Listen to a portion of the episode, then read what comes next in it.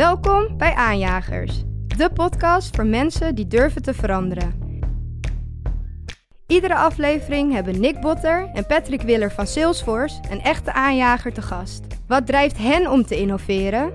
Hoe til je jezelf en je organisatie naar een hoger niveau? In deze podcast vertellen we je hoe je aan de slag kunt om een aanjager te worden. Je hebt aanjagers nodig. En dat zijn vaak de mensen die voelen dat die wereld veranderd is. Die voelen ook dat het in de organisaties anders moet.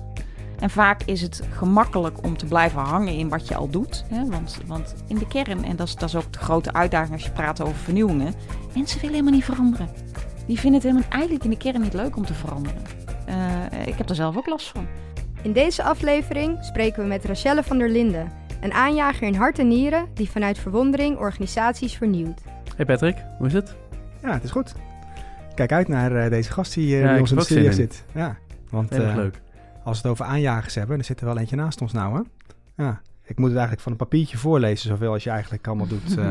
want in de studio bij ons, Rachel van der Linden, knap, energiedirect, NL Ziet, Beyond Ice.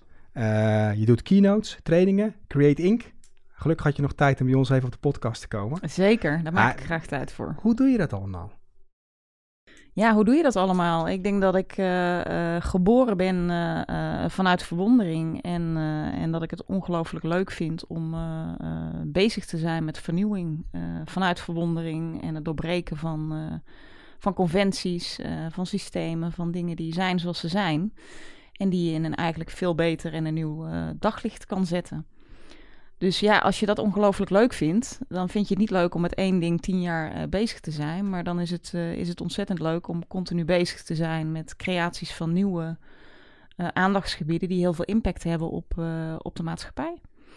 Ja, en daar, daar zijn energie direct op het gebied van energie en knap op het gebied van je financiën zijn daar voorbeelden van. En ook natuurlijk en al ziet op het gebied van media.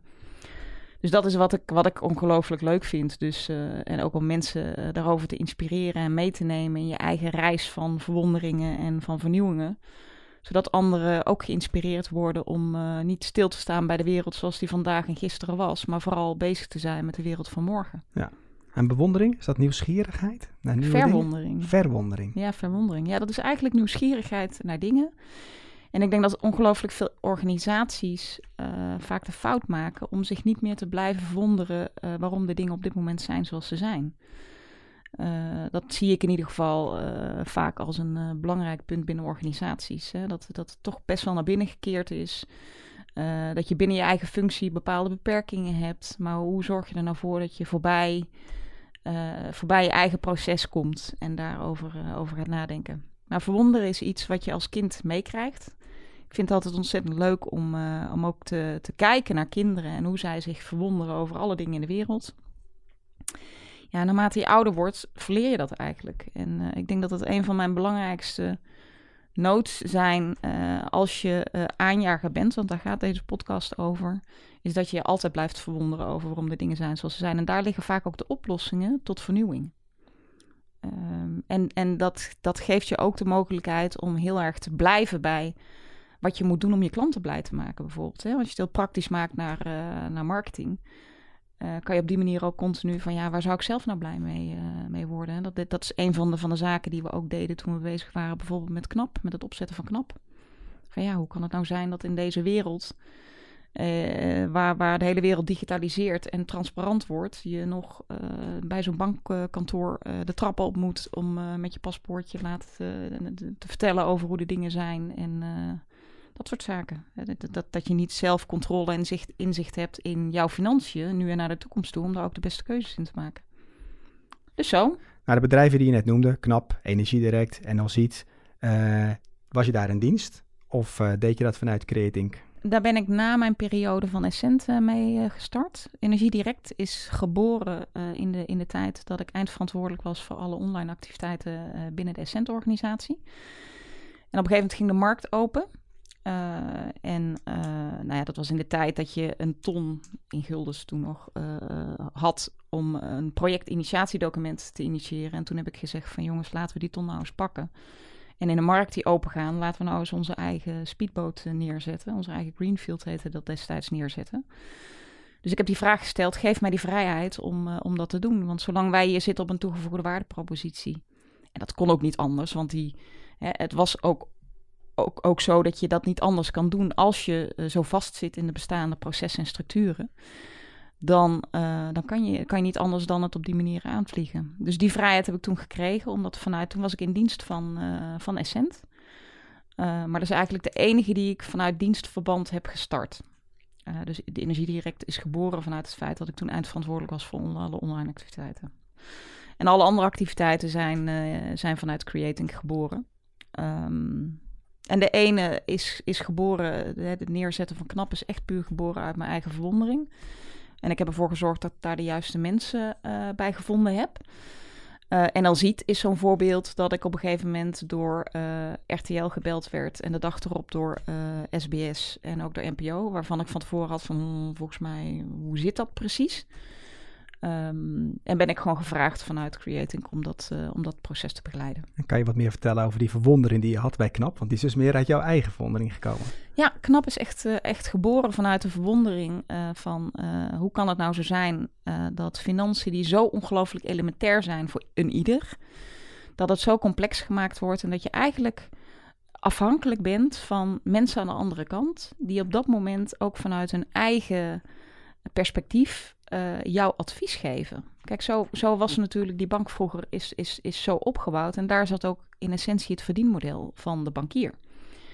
En als je daarnaar kijkt en je ziet om je heen gebeuren dat bijvoorbeeld de reisbureaus die vertrokken uit het straatbeeld. En die werden volledig gedigitaliseerd. En vroeger was het zo uh, dat je naar een reisbureau ging en die gingen jou dan adviseren. Maar je had dan ergens het gevoel van ja, uh, dat zeg je nu wel. Maar is dat het beste voor jouw portemonnee of is dat echt het beste voor mij? Ja, dat soort verwonderingen waren heel, de, heel, heel elementair voor de keuze van, joh, dit, dit is zo belangrijk voor je financiën. En hoe kan het nou zo zijn dat ik geen inzicht en overzicht heb, bijvoorbeeld over alle banken heen? Want hoe kan ik goede financiële beslissingen van me nemen als ik niet de inzichten heb die normaal gesproken de financieel adviseurs en de bankiers hebben, uh, uh, om mij te adviseren wat ik met mijn geld moet doen? Dat moet toch te digitaliseren zijn. Het moet toch zo zijn dat er een instituut kan zijn die die die menselijke processen digitaliseert. En ervoor zorgt dat ik relevante inzicht tot me krijg, zodat ik zelf die beslissingen kan nemen. En dat is ook eigenlijk het fundament waarop uh, KNAP uiteindelijk is geboren en, en gebouwd. Ja, en dan zie je die, dat, heb je, dat pad, die hele visie van disruptie. Maar waar begin je dan? Ja, dat is een goede vraag. Um, ik ben, je begint eigenlijk met die verwondering. Uh, en een tweede is, dan begin je na te denken over hoe zou dat dan eruit zien. En heel veel mensen die hebben het altijd over van, joh, je moet beginnen inderdaad met het vragen aan klanten hoe ze dingen beter zien. Nou, daar geloof ik iets minder in. Dat moet je uiteindelijk wel doen om goed aligned te blijven en ervoor te zorgen dat het goed gaat. Maar het begint bij die verwondering van waarom zijn de dingen zoals ze zijn en hoe zou je ze in een nieuw daglicht uh, zetten. Um, en, hoe, en wat zie je gebeuren in de markten om je heen en hoe kan je die learnings daarin meenemen. Nou, een tweede is als je een bank wil beginnen dan zie je een aantal dingen. Eén is, je moet een enorme grote zak geld uh, hebben. Dus dat betekent dat je die ergens vandaan moet halen. Um, en een tweede is, en uh, wij zaten met een, met, een, met, een, met een grote organisatie, met een fixe distributiekanaal, uh, um, waren we in gesprek. Maar op de tweede dag dat we daar zaten, donderde de DSB-bank om. Nou, dat betekent dat op dat moment het aanvragen van een banklicentie een ander probleem wordt. Ja. Uh, en uh, ja, vanuit die hoedanigheid zijn we gaan kijken van... oké, dat betekent dat we ook een instituut moeten hebben met een licentie. En zo zijn we uiteindelijk gekomen tot een partij die en die investeringskracht heeft... en ook de licentie heeft. En dat was, uh, dat was in dit geval Egon. Maar dan, ben gelooft... al, maar dan ben je al redelijk ver in het proces, hè, als, je dit, ja. als je dit uitlegt. Want je hebt nou ja. het al gelijk over een banklicentie. Je, dus je ja. start met die verwondering. Ja. Hoe zorg je er dan voor dat je een groepje mensen om je heen verzamelt die diezelfde verwondering delen of die met jou dat traject willen starten? Nou, ik denk op het moment dat je dingen uitspreekt en ziet, dan zijn er altijd mensen die op hetzelfde moment bezig zijn met dit soort uh, perspectieven. En een van die mensen is René. Mm-hmm. Nou, die had voorheen Alex Bank succesvol opgericht en goed verkocht. Dus ja. dat betekent dat hij in dat domein een enorm track record had. En die ben ik tegengekomen op een congres. Uh, en toen zijn we met elkaar in gesprek gegaan. Hij zat destijds toevallig bij DSB. En dat, dat had hij zijn vrouw beloofd van oké, okay, een half jaar blijf ik hier sowieso werken. Dus na dat half jaar, die dag erop, op 1 juli, zijn wij samen gestart. Um, dus we zijn met z'n tweeën begonnen en langzamerhand komen er steeds meer mensen bij um, die, uh, die daar een bijdrage aan leveren. Maar we zijn met z'n tweeën... allemaal vanuit het netwerk? Zoals dat je, je kwam hem tegen op een, op een congres. Dat is een soort van toevallig loop je tegen elkaar aan. Ja. Maar die andere mensen ook zo? Of ben je er echt actief naar gaan zoeken? Nou nee, ik denk dat René en ik, de, de zijn, zijn echt de eerste grondleggers. Mm is Marcel Kalsen bijgekomen, uh, dus als derde. Uh, en toen zijn we de gesprekken aangegaan met Egon. En toen ze hebben ze hebben dus een, een traject met elkaar afgesproken om samen met de organisatie, en daar geloof ik ook altijd in, hè, je moet de assets van grote organisaties ook ten volle benutten om uiteindelijk te komen tot een concept wat ook werkt voor zo'n moederorganisatie. Hè? Want we waren natuurlijk bezig om te kijken, oké, de afspraak was wel echt op afstand, hè? want we gaan dingen echt loskoppelen, we gaan dingen mhm. opnieuw starten. Ja. Uh, uh, maar hoe maximaliseer je nu uh, de gebruikmaking van de assets die er wel zijn in zo'n organisatie. Dus we hebben bijvoorbeeld onderzocht of technologie, of we daar gebruik van konden maken. Wat konden wij doen op basis van de inzichten rondom de onderzoeken en de marktonderzoeken die ze hadden? Wat waren al de learnings van de organisatie? Wat zijn de pijnpunten van die organisatie? Uh, want ook de top van Egon die was heel duidelijk in dit is niet iets wat wij zelf kunnen doen. Wij geloven er ook echt in dat er een organisatie naast moet komen die vanuit een heel ander speelveld en een schoon blad ook kan kijken naar businessmodellen. Want daar zit vaak een probleem. Hè? Mhm.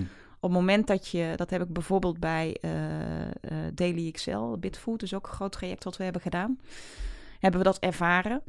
Um, Heel vaak is het zo dat innovatie binnen organisaties, vernieuwingen binnen organisaties mislukken. Eh, vanuit een hele simpele reden dat um, het, het huidige businessmodel cannibaliseert.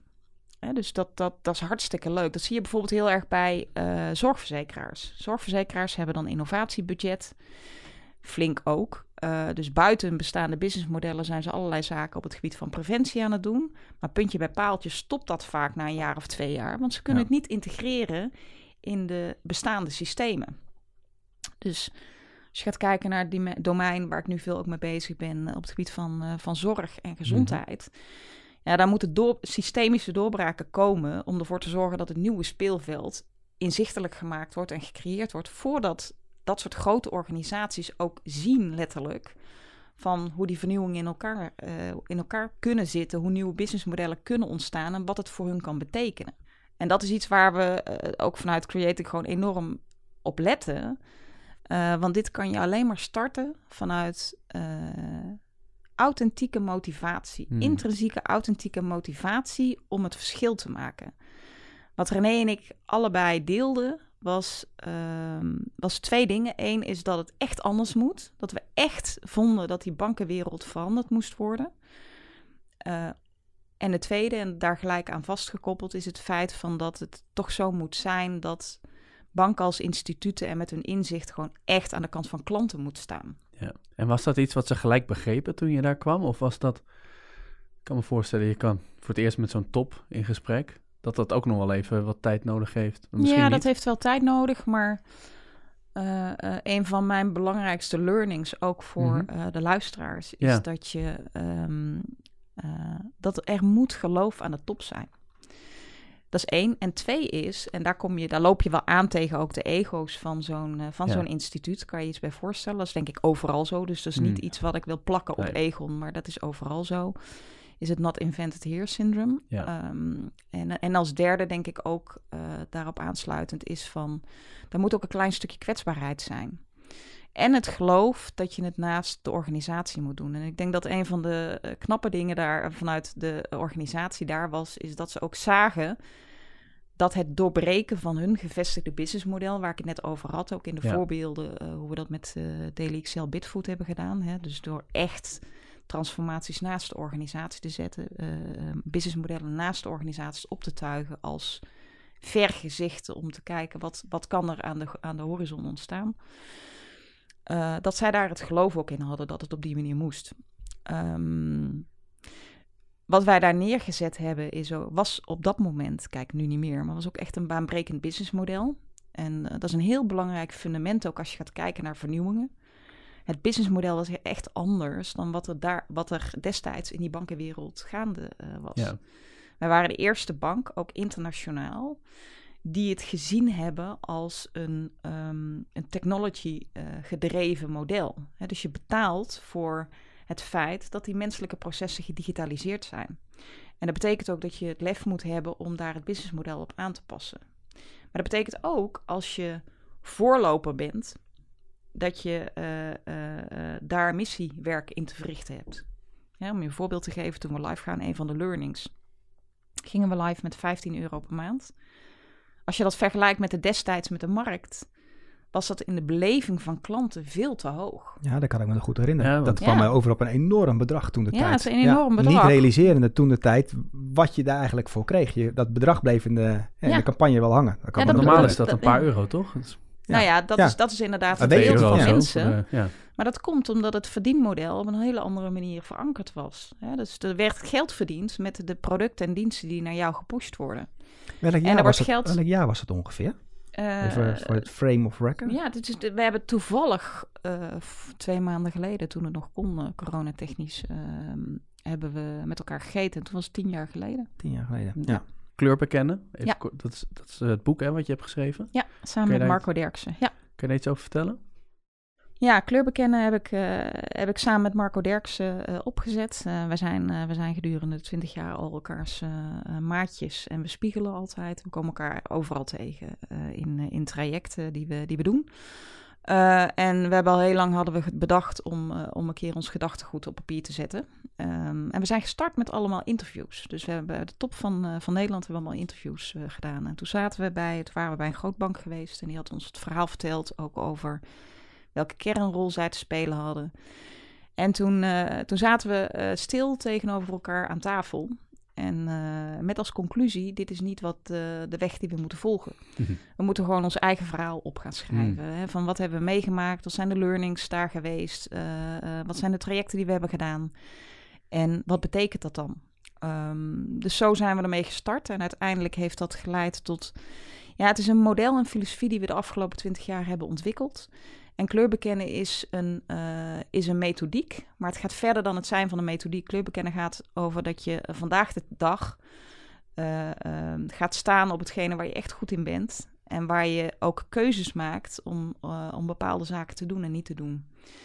En waar we achter zijn gekomen is dat elke organisatie vier belangrijke dingen te doen heeft om echt vanuit klantperspectief te, te vernieuwen en te groeien.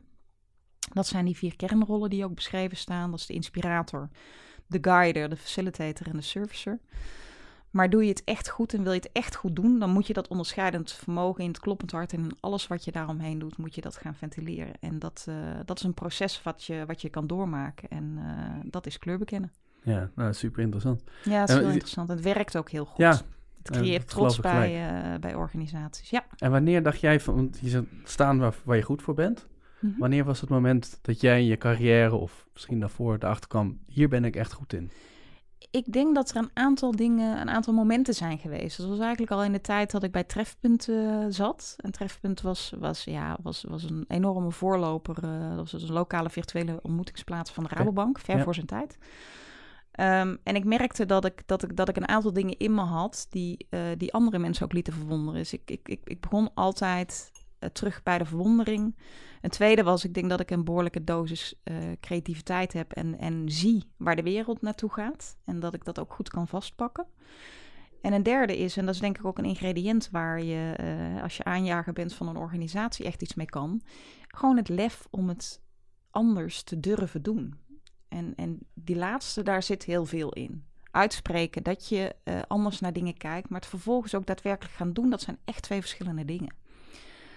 Um, dus dat begon eigenlijk toen al. Um, en uh, ja, als je op een gegeven moment merkt dat je het ontzettend leuk vindt om nieuwe werelden te, te ontwerpen vanuit de drive dat je ziet om je heen, nu, nu ook meer dan ooit, uh, mm. dat die wereld fundamenteel verandert op alle terreinen. Ja, ik voel me gewoon aangesproken om daar een belangrijke bijdrage in te leveren. En dat vind ik ontzettend leuk. En soms gaat het over, over inderdaad de financiële wereld, maar nu is het bijvoorbeeld echt in die zorgwereld. Nou, als je gaat kijken naar dingen als de onderwijswereld, de politiek is natuurlijk ook gewoon een groot drama op dit moment. Dus op heel veel fundamentele vraagstukken uh, zijn, ja, wat jullie noemen, aanjagers van, uh, van nodig. En waar maak je dan je keuze op? Het zijn zoveel dingen die dan ook mensen kennen jou daar dan om. Die gaan jou veel vragen. Dus je krijgt heel veel opportunities. Maar je, ja. ja. je hebt ook maar 24 uur in een dag. Ja. Je hebt het over de zorg gehad. Waar, wat ga je doen in de zorg? En maak je een keuze om daar meer tijd in te gaan steken? Ja, ik denk dat, dat, dat een van mijn krachten juist zit om niet te focussen te hebben op één ding. Dus, dus bij, toen ik, toen ik uh, bij KNAP bezig was, was ik tegelijkertijd ook bezig bij uh, Bitfood om, uh, om daar vernieuwingen te realiseren. Er waren twee grote trajecten. En toen stellen ze bij, de, bij, bij KNAP ook wel eens vragen, hey Foodie, wanneer kom je weer bankieren? Um, dus ik denk het blijven zien van wat die wereld buiten doet, dat het ontzettend belangrijk is. En ik denk dat de crux zit in het goed kunnen verzamelen van de juiste mensen, die het ook daadwerkelijk kunnen gaan mee kunnen gaan organiseren. En ik, ik zie mezelf dan als een business architect, zeg maar, of een architect van vernieuwing, of hoe je het dan ook wil noemen. Uh, waardoor je wel een aantal van dit soort zaken naast elkaar kan doen. En ik denk dat juist de sleutel ook zit in het maken van de crossverbanden. Ja, de kruisbestuiving tussen verschillende industrieën en ja. uh, mentaliteit. Ja, en dat moet zeker nu, nu ja. meer dan ooit. Uh, en dat is, dat is denk ik een vraagstuk wat jullie als aanjagers ook veel moeten adresseren. Het gaat nu om de collectieve mindset. Ja. Meer dan ooit. even terug over van hoe verdeel, hoe verdeel ik dan mijn tijd. in, de, in de wereld van gezondheid zijn we bezig met een ontzettend mooi initiatief wat nu ook gaat landen. Uh, en dat heet uh, Pluk. Pluk is een, uh, is, een, um, is een basis waarvan uit op het moment dat je geboren wordt. dan word je op dit moment geboren in de wereld van, van zorg. Dus op, op het moment dat er iets mis met jou gaat, dan, ja, dan wordt er voor je gezorgd. Maar het is natuurlijk heel erg gek dat je niet geboren wordt in de wereld van gezondheid en gedragenheid. Dus daar zijn we bezig om, om dat te doorbreken. En ja, dat is bijna op systemisch niveau. Maar daarnaast kan je met heel veel andere dingen bezig zijn. Ja, en ik zie, ja, ik zie het ook wel dat ik dat, dat ik dat kan blijven doen. En soms is het door, door mensen te inspireren op het podium. Uh, waar, ik mezelf, waar, waar ik voor mezelf voor moet waken, is dat ik niet uh, verval in, uh, in te veel de diepte in. dat zie je vaak bij organisaties. Vandaar dat ik ook veel bezig ben, juist met het creëren van samenwerkingsverbanden en iets meer op dat collectieve niveau steeds meer gaan zitten. Ja. Wat doe je op het podium? Want als jij uh, doet ook keynotes uh, verzorgen ja. en ja. Uh, executive trainingen. Ja. Wat, kan je daar wat over vertellen, wat je dan doet? Ja, die keynotes vertel ik eigenlijk altijd aan de hand van twee dingen. Dat, dat gaat over, over kleurbekennen, de methodiek die, die, die altijd in drie stappen zijn. Dat is altijd de reflectie, moment naar binnen komen, hè, naar binnen keren. Van waar zitten je assets, waar zit je trots? Dus teruggaan vaak in jezelf en in de tijd om vervolgens via uh, de, de recreate fase te herontwerpen op een schoon blad en het, en het ook daadwerkelijk te gaan doen. Dat is een systeem wat we hebben ontwikkeld, wat gewoon heel erg goed helpt op het moment dat je bezig bent ermee. En daar leid ik mensen doorheen. En wat ik, wat ik daarbij doe, is ik vertel ze over uh, de vernieuwingen die we gecreëerd hebben, maar ook de valkuilen waar je tegenaan loopt. Ja. Hè? Want vaak is het heel mooi om te vertellen over wat allemaal goed is gegaan. Maar een van mijn learnings bijvoorbeeld is om echt je intuïtie te volgen. Uh, als je voelt dat de dingen niet, niet kloppen en niet goed gaan, om daar ook op te acteren. Um, en, en op die manier uh, voer ik de meeste van mijn keynotes. Ja.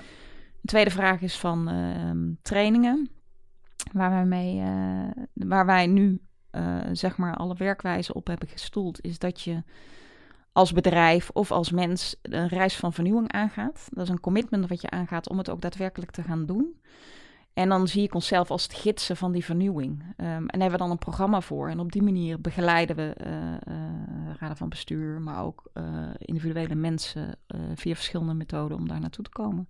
Dus het is veel meer nu, daar waar ik in het verleden nog heel erg gewoon echt op die inhoud zat, dat doe ik nu ook, maar dat voeg ik toe omdat ik gezien heb, is dat het niet gaat alleen maar over het inhoudelijke idee en het creatieve concept.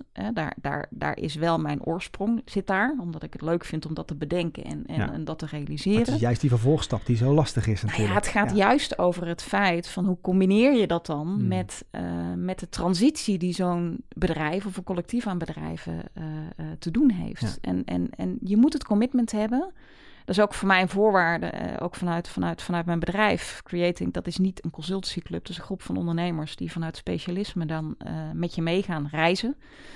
Uh, maar dat is ook wel meteen, je tekent wel ergens voor. Ehm, you're in, you're out. En uh, daar zijn we ook heel kritisch op van welke reizen van vernieuwing we gaan en we, we, aangaan. Ja. Ja. ja, ik vind het kleur bekennen en zo'n kompas neerzetten. Ja. Vind, ja, wij hebben binnen Salesforce values. Die worden heel erg gedragen. Maar elke organisatie heeft values Ja. of kernwaarden. Ja. Maar de ene organisatie is er heel goed in om dat heel intrinsiek op alle lagen van de organisatie goed doorgronden en daarna te leven. En de andere organisatie heeft ze gewoon als stickers aan de muur hangen en, Ja, en, oh. en komt daar niet verder mee. Ja. En wat is nou de silver bullet, de, waarbij jij ze net een stap verder helpt? Dat vind ik een heel interessant vlak, wat voor advies Ja. je daarover hebt om dat goed te inbedden.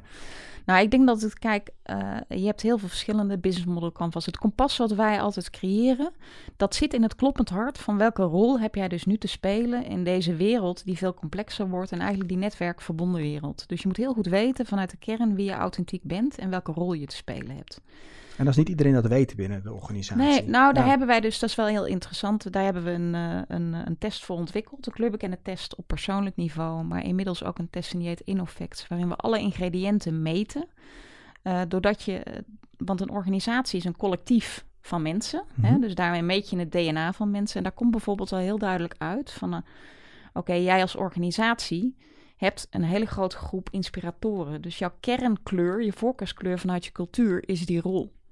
Dan stellen we ook vragen aan de andere kant, hè, van hoe positioneer je dan naar buiten? En je ziet daar vaak gewoon enorme gaten ontstaan. Dus door bedrijven al inzichten te verschaffen van waar sta je op dit moment, kan je ze ook helpen om eh, vanuit daar kleur te bekennen en daadwerkelijk te gaan doen wat ze, wat ze hebben.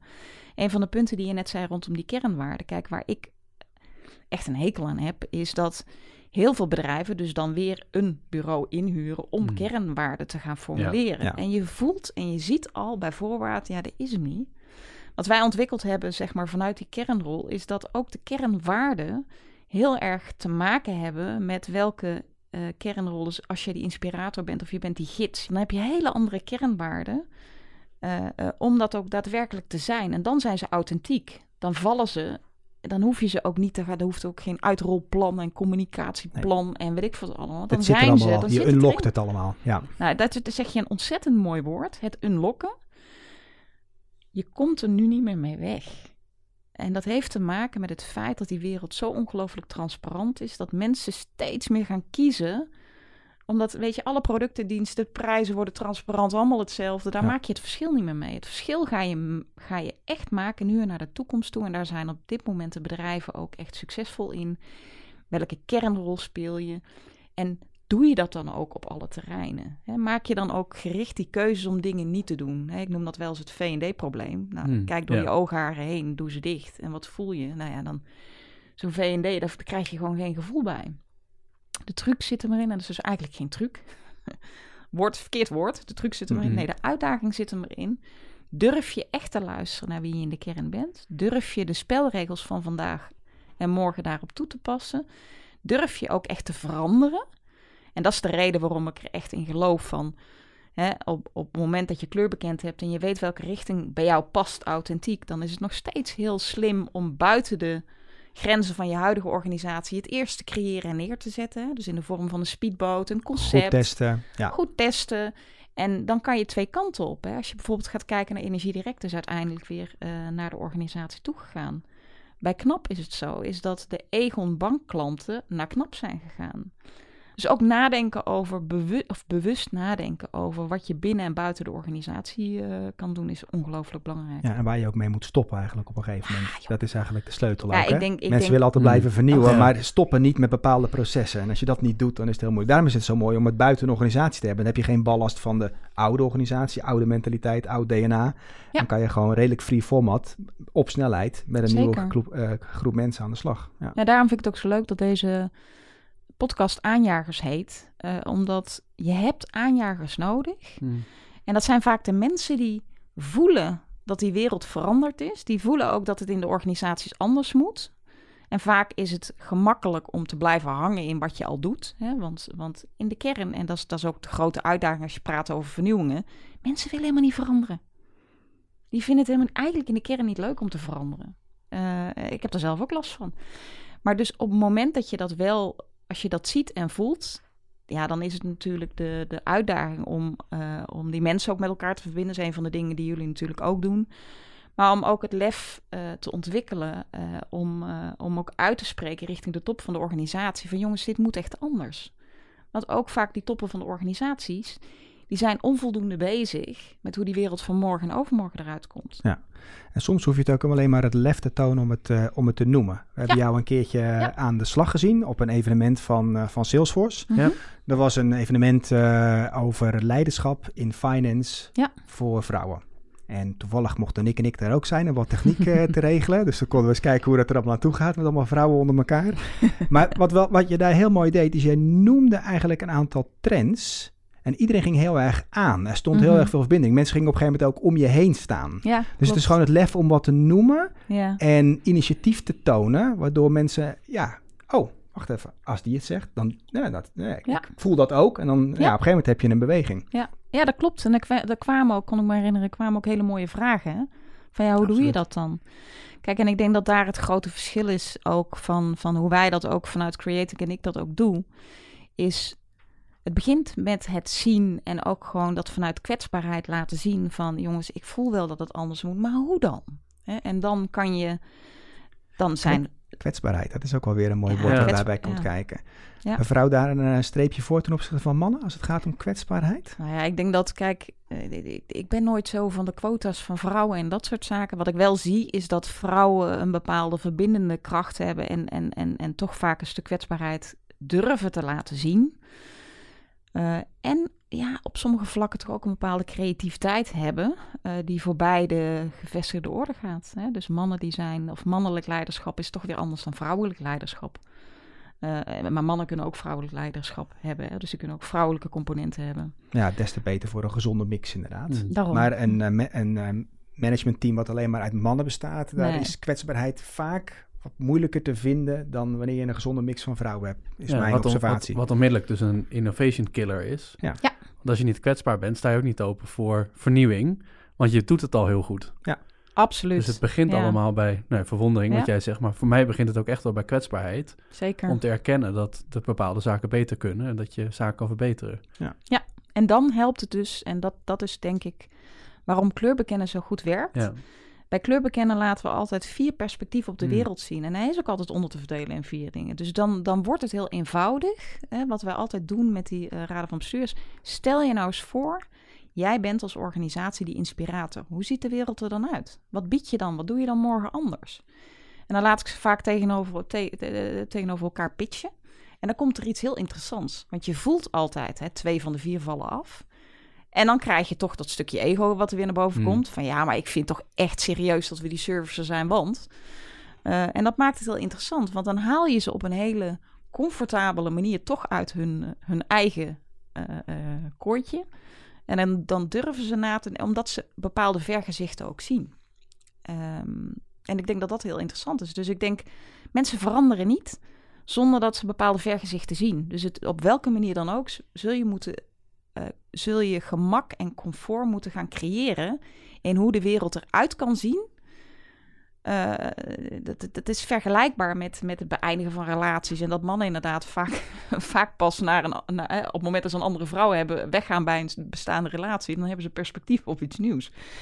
Maar zo werkt een brein. eh, in mijn beleving, of tenminste dat zie je ook in de onderzoeken. Dus dat een, brein, een brein werkt zo is op het moment dat je ziet waar de top is bijvoorbeeld, dan wil je er naartoe lopen. Hmm. Of als je ziet hoe een bepaald land of iets eh, gecreëerd kan worden, dan heb je er een voorstelling van, oké, dan boek je een ticket. Dus het laten zien van die werelden is ongelooflijk belangrijk, denk ik, om, en dat zou ik ook als tip meegeven voor de aanjagers van de organisaties, creëer werelden waarin je dus ook kan laten zien dat het veilig is om die stap te maken. Ja. En dat je klein kan beginnen en dat het ook nieuwe mogelijkheden biedt. En die werelden zijn misschien voorbeelden vanuit andere bedrijven. Wat, zijn, wat, zou, de, wat zou zo'n wereld zijn? Wat ze zouden kunnen schetsen. Nou ja, wat ik al zei, ik hang die altijd op aan kleurbekennen, aan de vier rollen. Ehm, eh, dus als je een bedrijf hebt en je, je zegt bijvoorbeeld een bank. Hè? Stel dat je, Mhm. dat je als bank zegt, of nee, pak de, pak de reiswereld, dat is misschien een beter Ja. voorbeeld. Als je de in de reiswereld de inspirator bent, dan ben je degene die vergezichten laat zien en je helpt in de kern. Dat je kernrol is dan om, om vergezichten te laten zien van waar je allemaal op reis kan gaan. Dus die inspireert je met alle mogelijkheden om het maximale uit de reiswereld te, halen. Dat is een andere rol dan bijvoorbeeld die van de gids. Eliza was hier, is daar een voorbeeld van. Eliza was hier. De reden waarom je naar dat reisbureau gaat, is omdat zij er al eerder geweest zijn. Dus je koopt een bepaalde zekerheid. Terwijl op het moment dat je naar de facilitator gaat, dan kom je bij de booking.com van deze, uh, van deze wereld uit. Dus dan, dan, dan breng je vraag en aanbod bij elkaar. Dus dat is weer een hele andere rol. Op het moment dat je dat beschrijft, en dan kan je ook vertellen wat je dan wel en niet moet doen. Pak bijvoorbeeld inderdaad de wereld van de facilitator. Bij die rol is het ontzettend belangrijk dat je onafhankelijk bent. dus waar gaat bijvoorbeeld een booking.com wat mij betreft de mist in? Is het feit dat ze toch gewoon allerlei dingen gaan pushen. Nee, booking.com, zoals ook alle dating sites en zo, moeten ervoor zijn om jou onafhankelijk ja. Trajecten neer te zetten. En een servicer, als je dat ziet inderdaad in de reizenwereld, is iemand die je volledig ontzorgt. Dus op het moment dat ik ergens heen ga, staat de taxi klaar, zijn de restaurants geboekt, noem maar op. En als je dat dus per, per bedrijf kan je die werelden altijd schetsen. En daarmee creëer je een voorstelling en voel je meteen, klopt het? Hè? Past dit bij mij? En hoe ziet het er dan uit? En welke businessmodellen, wat zou je dan anders doen? En dan gaat het creatieve brein ook open. Wat misschien wel een leuke is, want, want dit zijn natuurlijk de aanjagers. Hè? Een van de dingen waar wij mee bezig zijn. Dus ik noem het, ik noem het en daar zijn, daar zijn we nog over aan het nadenken. Maar het is gewoon leuk om daar eens gewoon met elkaar over van gedachten te wisselen. Is wat ik zie is dat ook die aanjagers binnen die organisatie met elkaar verbonden uh, moeten worden. Ja, hè? Want je, je... Cross-organisatie. Ja, cross-organisatie. Want zowel, ik zie twee bewegingen, zowel de toppen van de RVB's, die zitten vaak in een eenzaamheid. Hè, van, van wie zit er uh, boven hen om beslissingen te nemen. En dat zie ik eigenlijk ook bij de aanjagers. En een van de zaken waar wij mee bezig zijn is om ook, uh, ik noem dat de vrienden van vernieuwing. Hè, van, van, van je bent eigenlijk, eigenlijk zou je een soort van vriendschap moeten ontwikkelen, waarin je elkaar kan vinden, omdat je in hetzelfde schuitje zit. En als je allemaal in hetzelfde schuitje zit, dan heb je het gevoel dat je met elkaar die zee opgaat en, en het met elkaar moet doen. Omdat, ja, bottom line blijft bij mij één, één een heel belangrijk aandachtspunt is gewoon die collectiviteit. Mm. De grote veranderingen, de grote transities in de wereld die nu hoog nodig zijn, uh, uh, zit hem in het feit van dat je verbindingen door organisaties moeten. Dat was ook op het congres toe, of dat, dat seminar waar, we, waar ik sprak. Samenwerken van verschillende financiële... Ja, ook al ben je concurrent, hè, dat is iets wat we bij NLZ natuurlijk al deden. Dat waren drie grote concurrenten die met elkaar gingen samenwerken om het antwoord op Netflix te maken. En dat is knap lastig, maar je moet dus soms ook over je eigen schaduw heen uh, uh, zetten. Dus ik zou juist het heel interessant vinden om ook die aanjagers van organisaties op een gegeven moment met elkaar te verbinden. Juist in dezelfde branches en cross over de branches. Is dat iets wat uh, onze luisteraars, de aanjagers, ook kunnen joinen? Is dat, wat voor organisatie is dat? Ja, wij zijn nu, het platform is daar nog niet voor gereed. maar dat wordt een community, omdat ik um, er heilig in geloof, is dat ook hier het weer gaat over die kracht van verbinding. Ja. En dat juist de. Ik stimuleer heel erg de mensen die bezig zijn met die vernieuwing vanuit die organisatie. Maar heel veel van die mensen, en eh, ik als 25-jarige destijds eh, liep daar ook mee rond. Uh, um, je hebt het of je hebt het niet. Je voelt je vernieuwen of je voelt je niet vernieuwen. Je voelt je geroepen om daar iets in te doen of niet. Dat, zit, dat, dat is iets wat je, wat je, waar je volgens mij zelfs mee geboren wordt. Mm Um, en ik vind het heel erg belangrijk dat die mensen inderdaad met elkaar verbonden worden. En dat we ook met een aantal mensen daaromheen ze kunnen begeleiden. Door ze de juiste tools en inzichten uh, uh, te, te, te, geven hoe ze daarmee om moeten gaan. Maar ook crossover met elkaar te verbinden. Dus ze kunnen zich daar nog niet nu concreet op www.vriendenvanvernieuwing op aanmelden. Um, maar dat is wel iets wat er gaat komen. En ik denk dat een belangrijke inzicht daarbij is wel van weet dat je niet alleen staat. Want tegelijkertijd, als jij dat voelt en ervaart, doe er iets mee. Heb het lef om het uit te spreken naar, uh, naar de mensen boven je. Uh, maar weet ook dat er steeds meer die verbindingen gaan ontstaan. Omdat het gaat nu, de, echte vernieuwingen komen door die intensieve samenwerking. En ook door uh, te doorbreken dat jij van een concurrent bent. Dus dat je niet elkaar kan opzoeken. Juist wel, steeds meer in deze tijd. want die oplossingen zitten daar. Ja. Dus, dus zo. Ja, zeker. Nee, je zei al even, toen ik 25 was. Ja. Wat, uh, wat zou je zelf, als je nu terugkijkt, wat zou je jezelf voor advies geven? Of wat zou je... Nou, er zijn een aantal dingen, denk ik, die belangrijk zijn. Dus één is je echt je intuïtie volgen. Uh, Want in die periode heb ik ook nog wel eens gedacht van... ja, weet je, ik zal wel gek zijn of ik zal het wel verkeerd zien. Of uh, ja, dat kan waarschijnlijk niet, want iedereen zegt dat ik niet kan. En toen, bezig, toen ik bezig was met knap, zeiden mensen ook... je, bent, kan, je kan niet zomaar een nieuwe bank beginnen. Maar ik ben echt van overtuigd dat op het moment dat je voelt dat het wel kan. Hè? Dus dat er iets is en die wereld moet continu in vernieuwing. En sterker, nu meer dan ooit. Hè? Ik bedoel, Jan Rotmans die zei al van het is geen uh, uh, tijdperk van verandering, maar het is een verandering van tijdperk. En daar zijn we, daar zijn we de, mensen die zich daarvan bewust zijn, dat zijn de echte vernieuwers. Um, dus dat betekent inderdaad van als ik terugkijk naar, naar als ik terug zou kunnen gaan naar toen ik 25 was dan zou ik daar een aantal dingen tegen mezelf zeggen. Dus één is inderdaad, volg je intuïtie. Uh, twee is, schroom niet om dingen uit te spreken en om echt voor je dromen te gaan staan. Uh, punt drie is van zorg ervoor dat je verbindingen maakt met mensen die hetzelfde ervaren en voelen. Nou, ik vind dat we vandaag de dag daar mensen dus bij moeten begeleiden. Um, punt drie is zorg ervoor dat je creatief ook nadenkt over hoe die wereld eruit kan komen te zien. Uh, en durf echt buiten de gebaande paden te denken. Uh, en dan nog erop en erover. Uh, dus, dus laat jezelf niet forceren in uh, wat men nu denkt in systemen en dergelijke. Want een van de grootste inzichten is dat er is nog een hele grote groep mensen die vastzitten ook in hun eigen patronen en in organisaties. En dit valt niet ofwel buiten mijn functie. maar je kan niet groot genoeg denken als je het maar omzet in gewoon daadwerkelijk dingen gaan doen. En elke stap is er één van. Hè? Dus dat begint met uitspreken dat je andere dingen ziet dan wat er nu gebeurt. Twee is inderdaad jezelf altijd blijven verwonderen. En ook andere mensen uitdagen over, over je verwonderen vanuit klant- en mensperspectief. He, als je nu de wereld opnieuw zou schetsen, hoe zou je dan je product en dienst en je organisatie gaan tekenen? Uh, ook jezelf nooit verlogenen. Hè? Dat is de reden waarom ik altijd zeg: de eerste stap in ons proces is altijd reflectie op van maar ja, wat zit er wel in? En, en, en volgens mij is het, is het zo dat in veel organisaties en processen men gewoon kwijtgeraakt is van waar je vanuit de oorsprong eigenlijk ooit bent ontstaan. En wat nou echt de pareltjes en je assets van je organisatie of van jou als mens zijn. Want eigenlijk kan je het volledig ook neerzetten. Niet alleen op de organisatie, maar ook voor jou als mens. Uh, om vervolgens het durven opnieuw te schetsen vanuit een leeg blad. Dus ik zou iedereen ook altijd willen uitdagen om van heb gewoon als je, uh, die, als je jezelf een aanjager voelt, heb die schone lei, heb dat papiertje altijd bij je. Om gewoon op te schrijven wat je echte nieuwe inzichten zijn. En heel veel van de problemen zijn ook van claimtijd. Ook van, uh, van uh, dus, dus de claimtijd ook van, van de mensen aan de top. Want ook zij moeten de sprankeling in de ogen hebben. Dus dat is wel een hele belangrijke voorwaarde. Vraag of ze ervoor openstaan. Heel veel bedrijven die zeggen wel dat ze ervoor openstaan. Bijvoorbeeld als je het binnen een hmm, organisatie hebt. Maar staan er in de kern Weet je bepaald je? Nee. nee, omdat ze het zelf ook spannend vinden.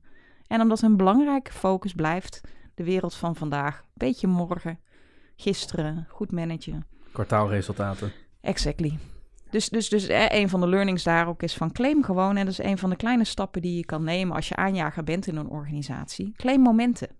Ik vind echt dat elke organisatie één vrijdag in de maand minimaal bezig moet zijn met die wereld van morgen en overmorgen.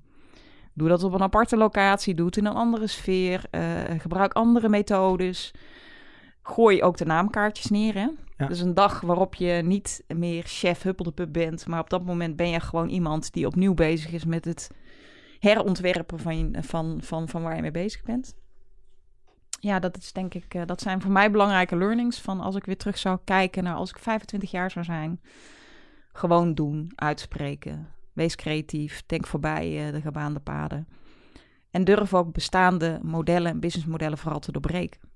Ja, en vraag hulp. Hè? Dus, dus je kan het niet helemaal alleen. Uh, bij mij was bijvoorbeeld een belangrijke toen bij KNAP ja, je hebt toch echt even iemand nodig die, uh, die bijvoorbeeld al een grote financiële hmm. klapper heeft gemaakt met het neerzetten van andere financiële instellingen. Want daar luisteren dat soort organisaties naar. Ja, ja. Dus ja, super cool. Ja. ja, echt heel gaaf.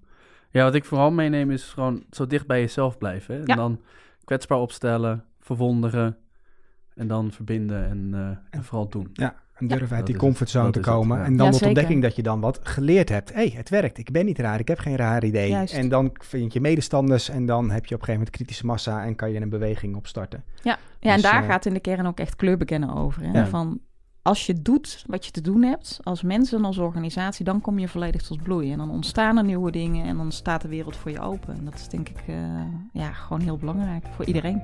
Word je blij van. Ja, fantastisch. Rachel, we vinden je een echte aanjager. En hartstikke bedankt dat je je uh, ideeën met ons wilde delen. Heel graag gedaan. Ja, heel erg bedankt. In de volgende aflevering is Patrick van der Pijl onze gast. Hij is sinds jonge leeftijd een aanjager en helpt nu bedrijven met het ontwikkelen van nieuwe businessmodellen. Ga voor meer verhalen van aanjagers naar salesforce.com/aanjagers.